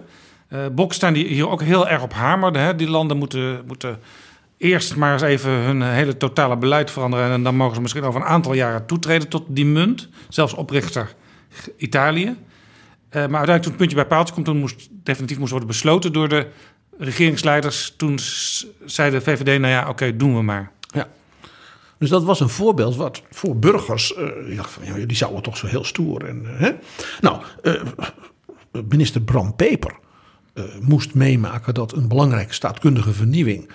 Eh, ja, dat hij dat ja, politiek gewoon uit zijn handen liet vallen. Dat ging de- in de Eerste Kamer mis. Ja. En, eh, en daarna kwam de man ook persoonlijk in de problemen. Over, ja, was dat bonnetjes uit de tijd dat die burgemeester van Rotterdam Ja. was, die hij niet kon terugvinden? Het stelde niet veel voor uiteindelijk, maar hij had er wel heel veel pijn aan. Sterker nog, hij, hij, hij, zijn reputatie was gewoon naar de galamiezen. Ja. En hij moest dus aftreden en de PvdA was nou niet heel erg loyaal naar hem in die tijd. Je, dit is onderdeel dus van dat ik zeg, een rare, wat zure, ja, mislukte sfeer. Nou, eh, Wim Kok eh, laat blijken dat hij niet zoals daar een opnieuw lijsttrekker zou willen worden. Bovendien, Melkert, de fractieleider, wilde dat heel graag wel. Ja, En die wou ook uitstralen, er komt nu echt een nieuwe tijd. En bij zijn aantreden geeft hij een interview waarin hij zegt... ja, ze hebben de periode Kok, dat hebben we nu een beetje gehad. En dat was nog een beetje uitgeregeerd en een beetje... Een beetje, beetje nou, daar staat niet wei- weinig spirit meer in en geen ideeën. En dat vond Wim Kok natuurlijk verschrikkelijk. ja. Deed ook een beetje denken aan, zoals Elko Brinkman over Ruud Lubbers, het kabinet Lubbers sprak. Hè. Brinkman zei ooit, het speelkwartier is voorbij. Met andere woorden, ik weet hoe het moet.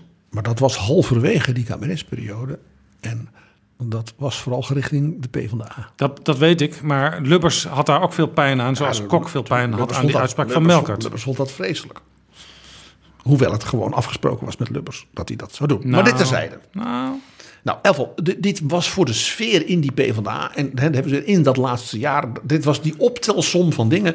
Hè, die dus dan tegen zo'n laatste jaar dan zeiden: dit gaat niet goed. Er was nog iets. Je denkt, ja, dat was natuurlijk mooi voor de andere partijen. Hè, die hadden een alternatief, konden ze laten zien tegenover ze dat, die uitgerichte, uitgeregeerde, Ja. verzuurde pa- Paarse coalitie. Ja, D66 had hij bij die verkiezingen al heel erg verloren. Ja, was van paars. Eh, had met mevrouw Els Borst, eh, een vicepremier, waarvan duidelijk was die zou niet opnieuw terugkomen. Een oudere dame. Deed het niet echt heel goed in de verkiezingscampagnes. Dus D66 was, worstelde met zichzelf. ja. Dan in de oppositie was natuurlijk de grootste partij het CDA. Maar ja, we weten het, die partij verkeerde op dat moment in een grote interne crisis.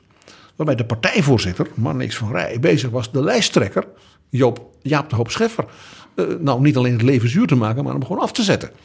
Dus ook niet het moment om je als een fris, jong, Nee. nieuw, krachtig Nee, dus alternatief- zowel in het drie-partijen-kabinet als in de belangrijkste oppositiepartij was het gedoe. niet pais en vree. Nee. Nou, dan had je de SP en GroenLinks die zeg maar, aan de linkerzijde wel wat in opkomst waren, maar geen echt alternatief voor het kabinetsbeleid vormden. En er was een soort vacuüm, daar komt hij weer, in dat laatste jaar, in het leiderschap ja, van de partijen en van de coalitie. En dat ging zich dus vullen, dat merk je bij de lokale verkiezingen en dergelijke, van onderop met wat men noemde de leefbaren. Er Ja, een soort het waren eigenlijk in alle, in alle steden eh, een leefbaar Rotterdam, leefbaar noem maar op, leefbaar Hilversum. Leefbaar Utrecht. Ja. En die deden het gewoon goed. En dat was in de ene stad was dat een wat linksere, in de andere een wat rechtsere, soms wat ondefinieerbaar. Maar omdat die bestaande grote partijen niet, niet meer aantrekkelijk waren, ja, kon zo'n nieuwe leefbaar club opkomen. Ja, dus dat vacuüm werd als het ware in de regio hè, vaak gevuld door die leefbaren.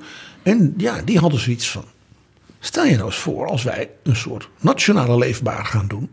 Wie weet, valt er voor ons nog wat te halen in die en Tweede wie Kamer. kwam daar op het toneel? Jan Nagel. En dat was Jan Nagel. Die kende namelijk al die mensen. Hij had zelf in Hilversum zo'n leefbaar partij opgezet. En hij wist als geen ander hoe politiek werkt. Want hij was al zijn hele leven in de Partij van de Arbeid in de coulissen actief. En ook een hele merkwaardige combinatie van werkzaamheden. Hij was ook altijd eindredacteur actualiteiten bij de VARA radio en televisie ook.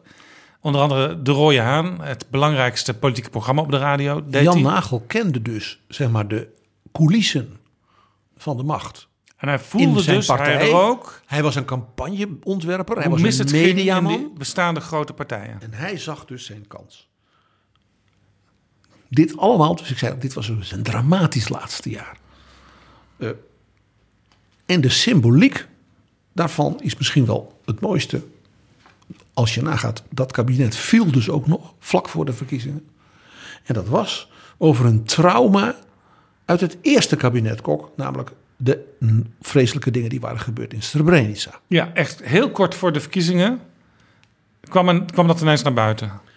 Zo'n voorbeeld van, dat ik zeg, zo'n dossier dus wat niet was afgerond, dat dan in zo'n laatste fase ineens weer explosief wordt. En hoe dramatisch dat was. Als je nagaat, dat gebeurde dus terwijl 9-11 net was gebeurd. Dus ook dat in dat laatste jaar, wat dus de wereld ja, om, omgooide, zoals de val van de muur Ja. hè, bij Lubbers 3. En, en de wereld wou leiderschap, Nederland wilde leiderschap. En dat kabinet viel dus waar iedereen bij, keek, bij stond uit elkaar. En 9-11, die vliegtuigen die die torens binnenvlogen... dat was natuurlijk een kolfje naar de hand van Pim Fortuyn... die toch al een thema had gemaakt van de migratie... en de rol van de radicale islam daarbij. Onthoud, Pim Fortuyn was op dat moment volstrekt niet in beeld. Dat is legendevorming achteraf. Klopt, maar de basis voor zijn groei werd dus gelegd... door onder andere 9-11 en de gedachten die mensen daarbij hadden. Omdat mensen konden roepen daarna... Pim Fortuyn was een soort profeet die dat allemaal had voorspeld. Daardoor was dat. Lessen gaan we trekken. Ja. Eén. Een coalitie die merkt dat de premier en ook de vicepremiers eigenlijk ja, een beetje weinig perspectief meer hebben, een beetje leeg zijn. Misschien wel moe. Zo'n coalitie is in groot gevaar. Want dan gaat dus aan de rafelranden het uit elkaar vallen. Hè, wat je hier zag hè, met een Bram Peper, met ja, Melkert. Alles wat we hiervoor bij het kabinet Lubbers 3 zagen gebeuren. En de lessen eruit. Die volgen eigenlijk Ja. allemaal ook Ja. voor het ka- tweede kabinet Kok. Waar Kok de premier van was en onder Lubbers was hij de vicepremier. En ja, dat punt van dat vacuüm. Als er een, in crisistijd, hè, denk aan 9-11 en alles. Leiderschapsvacuüm is in de top van een land, in het kabinet, in partijen, hè, ook in het CDA. Dan is dat, gebiedt dat ruimte voor avonturiers. Mensen Ja. vanuit de marge. Ja, en er zijn altijd mensen die denken, nou ja, wat we nu hebben, dat zootje, dat eh, hoeft van mij niet meer. Ik ga eens iemand anders proberen. Ken je lachen? Een vacuüm wordt altijd gevuld. Dat was Paars 2, onder leiding van Wim Kok. We hebben natuurlijk een kabinet eigenlijk eh, een paar jaar geleden achter de rug. Rutte 2 van VVD en Partij van de Arbeid. Dat ook de hele periode heeft uitgezeten. Dat was het eerste kabinet na het eerste kabinet Kok. Dat zijn volle vier jaar ja, als coalitie ongehavend, zal ik maar zeggen, heeft voltooid. Voorwaar een prestatie, hoewel we toch mm, ook wel wat vraagtekens hebben bij dat kabinet. Ik, ik, ik eh, Want pet je af. als je het electorale resultaat ziet, Partij van de Arbeid bijna verzwolgen, VVD ook een kwart van de zetels kwijtgeraakt. Dat was in die zin niet succesvol, dat kabinet. En ook daar weer. Maar het is misschien wat voorbarig dat we de geschiedenis al aan het schrijven zijn. Laten we daar nou een jaartje of tien mee wachten. Maar ook daar weer, dus dat laatste jaar, waarin de P van de A ja, een soort vrijwillige suïcide begon rond het leiderschap. En eh, Rutte eh, met de vluchtelingencrisis, die dus heel Europa natuurlijk raakte. Hè, ook mevrouw Merkel en natuurlijk de, de, de Balkanlanden en Griekenland en vul maar in. Maar dat ook Rutte daar dus enorme tikken door kreeg, omdat hij gewoon moest ja, improviseren. Ja. Laten we, want jij zegt we gaan dat daar in Betrouwbare Bronnen in 2030 over hebben. Ja. Maar één, één ding kun je dus wel zien. Dat punt waar we, wat we al eerder hebben gezien. Als je in de eindfase van een kabinet leiderschapsgedoe doet. Ja, in zo'n coalitiepartij. Dan ondermijnt dat de reputatie van zo'n kabinet als een daadkrachtig. En je doelt leiderschapsgedoe. eh, de Partij van de Arbeid had natuurlijk tussen Lodewijk Asscher en Diederik Samsom een, een strijd van wie wordt de leider. Ja, Het was een beetje een, een georganiseerde strijd, maar hij werd niet heel goed geregisseerd. En eh, Ronald Plasterk was ook in. En mensen riepen dat misschien Jeroen Dijsselbloem het wel zou moeten doen. En het punt was, ze konden natuurlijk nergens over discussiëren. Want het verkiezingsprogramma, daar waren ze voor. Ja, Dus het ging nergens over die strijd. Dat was iets fataal. ja want het bleek uiteindelijk de vicepremier en de fractievoorzitter te zijn die natuurlijk over alles eh, honderd keer overlegd hadden Ja, in, tijdens het kabinet. precies. Dus een fake leiderschapsgedoe ja, wat niet nodig is, ondermijnt dus de reputatie van serieus en krachtdadig van zo'n coalitie, van zo'n kabinet. En het grappige is, dit hebben we in de allereerste van die kabinetten die wij hebben besproken ook gezien. Dit was precies wat er bij Thorbecke 2 gebeurde. Ja, de liberalen die het onderling niet meer met elkaar eens waren. En Thorbecke dus eigenlijk in het ongereden raakte. En we hebben het gezien bij Lubbers 3 en we hebben het gezien bij dat tweede kabinet Kok. Dit is Betrouwbare Bronnen. Rutte 3, laatste jaar, breekt nu zo'n beetje aan. De verjaardag van Rutte is een mooi moment daarvoor. Eh, Al deze voorbeelden die we nu in anderhalf uur bijna hebben besproken. Wat kunnen we daarmee doen als we nu kijken naar Rutte 3, het laatste jaar, op weg naar in 2021 verkiezingen? Je weet, ik heb het vaker eh, gezegd dat, eh, dat je altijd voorzichtig moet zijn als historicus. Het is geen receptenboek. Het is niet eh, de, de snelle keuken in drie stappen. Maar er zijn wel dingen die je uit deze verschillende verhalen over dat laatste jaar kunt zien, die voor dit laatste jaar dat nu komt, misschien toch leerzaam zijn. Het eerste is natuurlijk het punt dat we net hadden. Voorkom gedoe en zogenaamde di- discussies en referenda en wat dan niet rond het leiderschap binnen een coalitiepartij.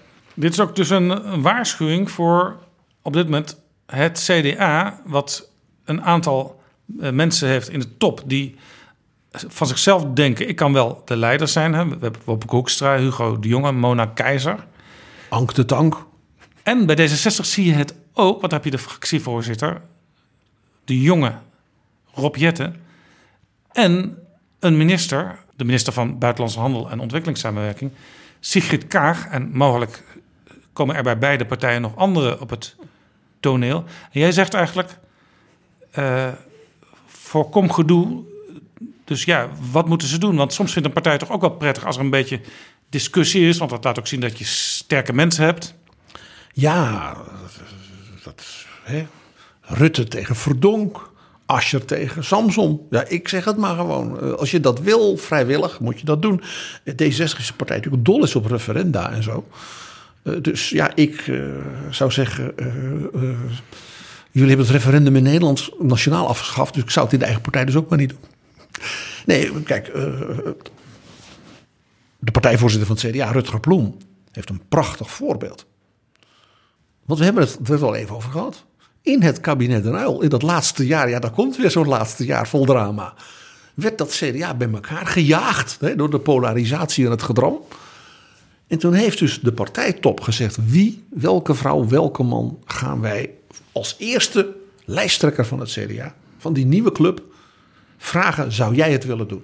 Ja, dat werd dus Dries van Acht. Er werd Dries van Acht en daar is dus heel, heel erg over gepraat door die verschillende partijtoppen. De protestanten, de katholieken, eh, jong en oud, man en vrouw, je snapt het wel. En toen heeft dus de partijvoorzitter Piet Steenkamp tegen dus vicepremier Dries van Acht gezegd van... ja, alle kandidaten die we kunnen bedenken hebben hun plussen en hun minnen. En er is maar alleen maar En plus. jij, en jij moet het toch maar gaan doen. Nou, Van Acht die was natuurlijk helemaal niet blij. Nee. Want die was, zag, hij was al op bezoek geweest op het gouvernement in Maastricht om te kijken hoe mooi het was. En zijn vrouw uit Maastricht vond dat prachtig. Want dat ministerschap met al die gijzelingen, die kapingen en die ellende. Daar had ze zo langzamerhand wel tabak van. Dus hij kon terug naar haar Maastricht. En hij hoopte dat ook. En toen kwamen ze langs. En toen is het de krachtige figuur achter de schermen. De, de machtigste vrouw in het CDA van die tijd. Madeleine de Wijkersloot de Weerderstein. En die heeft Dries van Acht toen dermate krachtig toegesproken. Zo heb ik ooit gehoord van Piet Steenkamp. Dan zei hij, Dries kon geen kant meer op. Ja, ja, dat was dus, dus een, een soort geheim wapen binnen de CDA-top. Voor de buitenwacht niet echt bekend. Eh, Madeleine Leijten, de Rijkersloot de Weerderstein. Ja. Ik vind het fijn dat ik je één keertje over CDA Die, die, die hele, dingen kan corrigeren die na al die jaren. namen. Ja. En, Eh.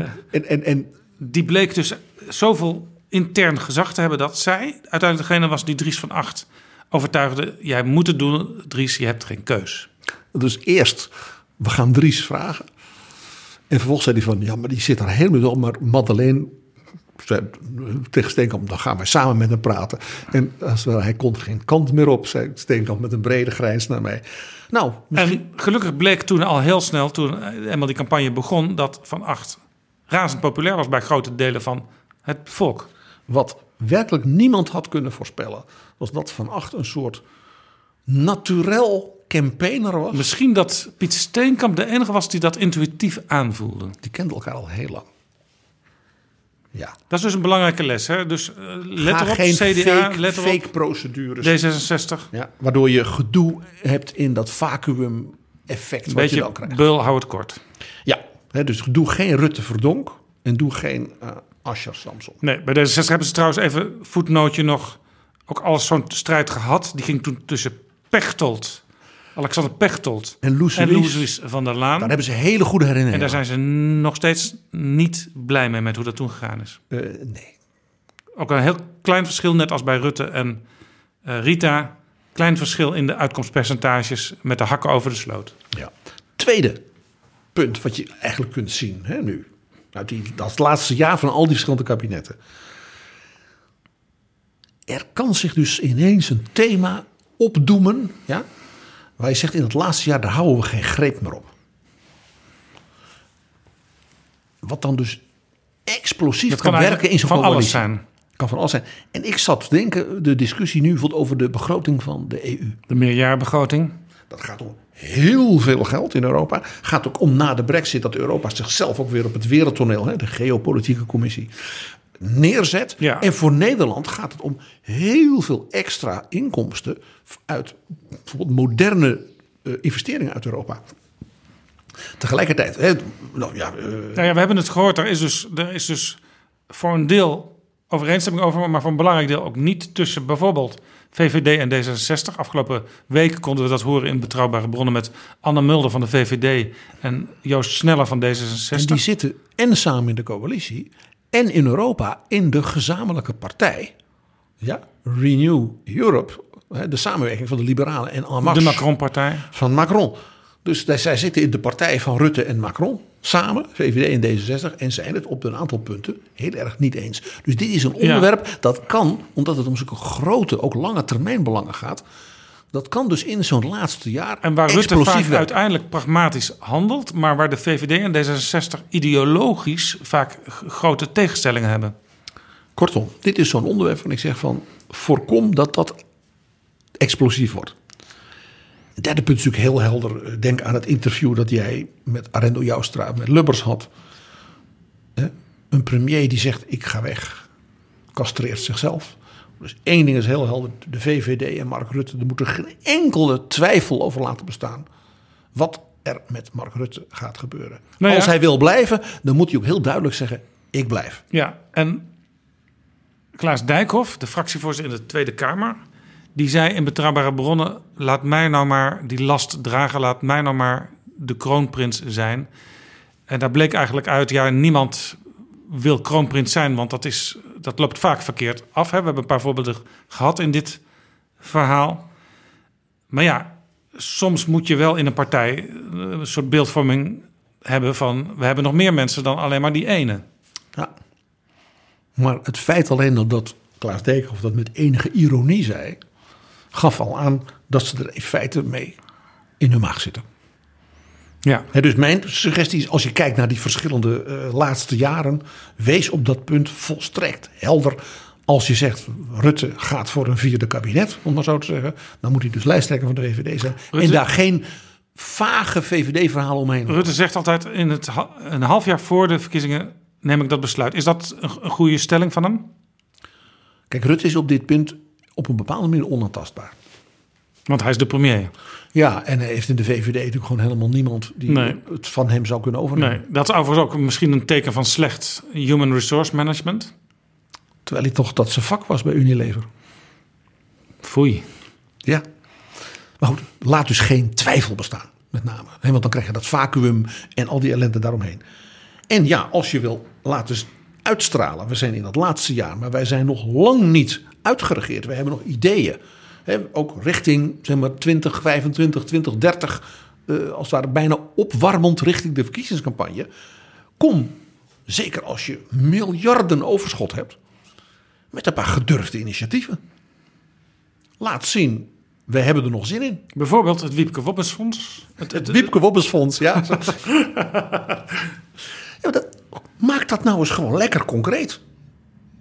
Ja, eh, ik, vond, ik was verrast dat Rob Jetten en Pieter Heerma, dus twee fractieleiders, met een idee kwamen om een soort tweede Amsterdam te bouwen.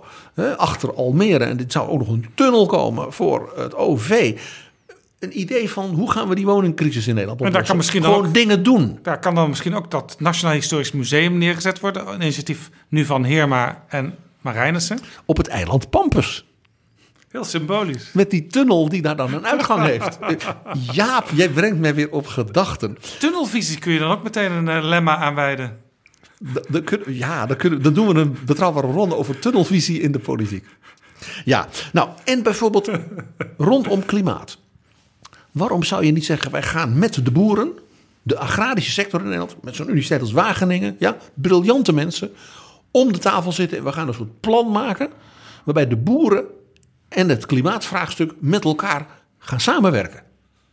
Waarbij we ook bijvoorbeeld al die mooie investeringen op dat terrein uit Europa, van die Green Deal, daarvoor Nederland voor gebruiken. En de kennis die we daarmee ontwikkelen, daar wordt Nederland de komende 50 jaar natuurlijk weer heel rijk door.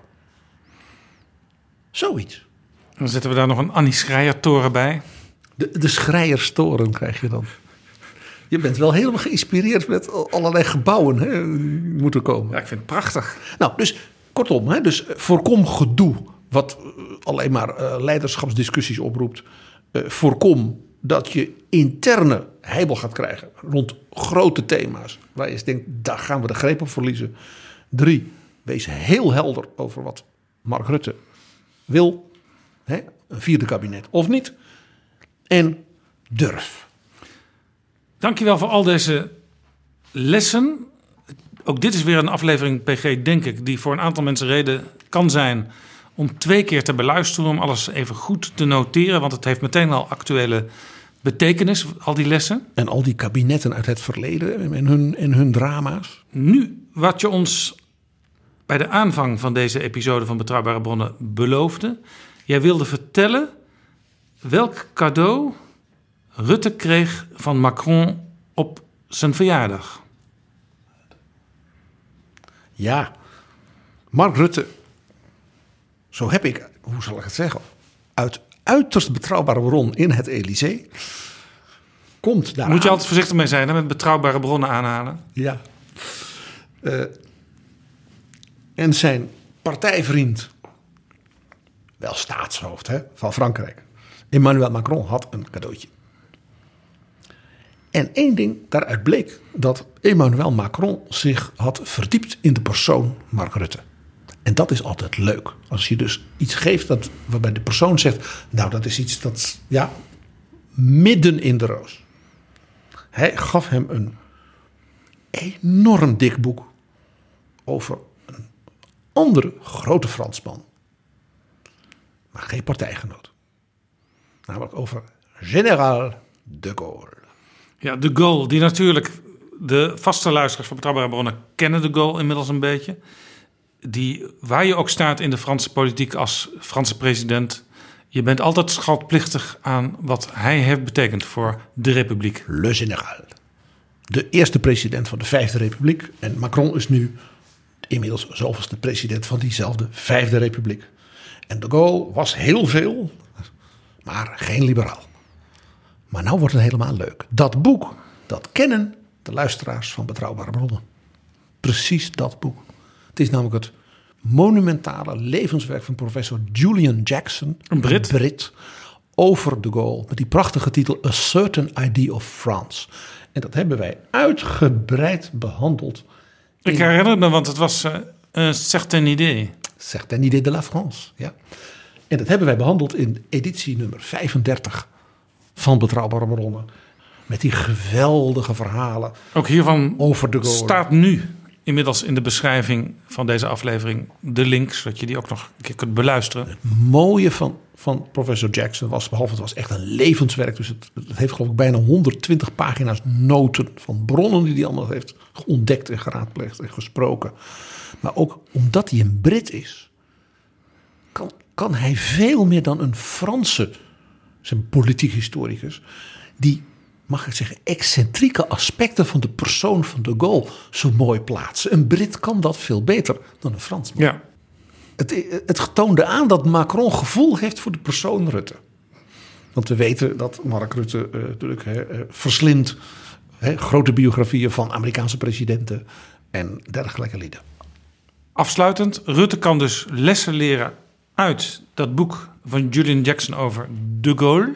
Daar kan iedereen heel veel van leren. En hij kan lessen leren uit deze aflevering van Betrouwbare Bronnen, aflevering 87. Van al die kabinetten die in hun laatste jaar ja, toch een aantal grote problemen op hun pad zagen komen. En hoe je daar mee om kunt gaan en hoe je daar misschien lessen uit kunt leren, zodat je ze in ellendige zin voorkomt en je er misschien profijt uit kunt trekken.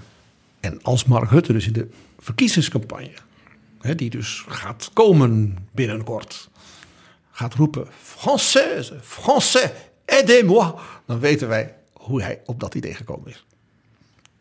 Dankjewel, PG, voor dit inzichtelijke verhaal. Française, Français, aidez-moi. Geweldig, ja? Geweldig. Merci, merci beaucoup, PG. Ah